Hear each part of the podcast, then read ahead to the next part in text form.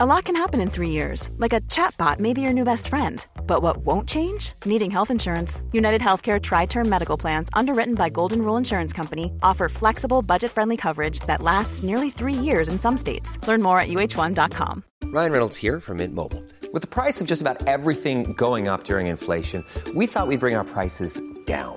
So to help us, we brought in a reverse auctioneer, which is apparently a thing.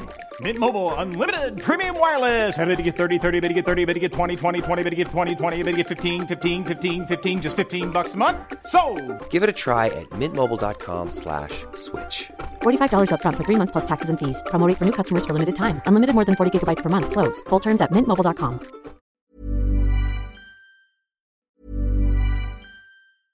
Cool fact a crocodile can't stick out its tongue. Also, you can get health insurance for a month or just under a year in some states. United Healthcare short term insurance plans, underwritten by Golden Rule Insurance Company, offer flexible, budget friendly coverage for you. Learn more at uh1.com.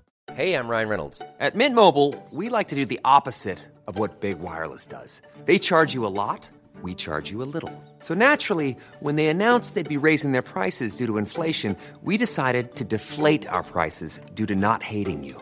That's right. We're cutting the price of Mint Unlimited from $30 a month to just $15 a month. Give it a try at mintmobile.com slash switch. $45 upfront for three months plus taxes and fees. Promo rate for new customers for limited time. Unlimited more than 40 gigabytes per month. Slows. Full terms at mintmobile.com.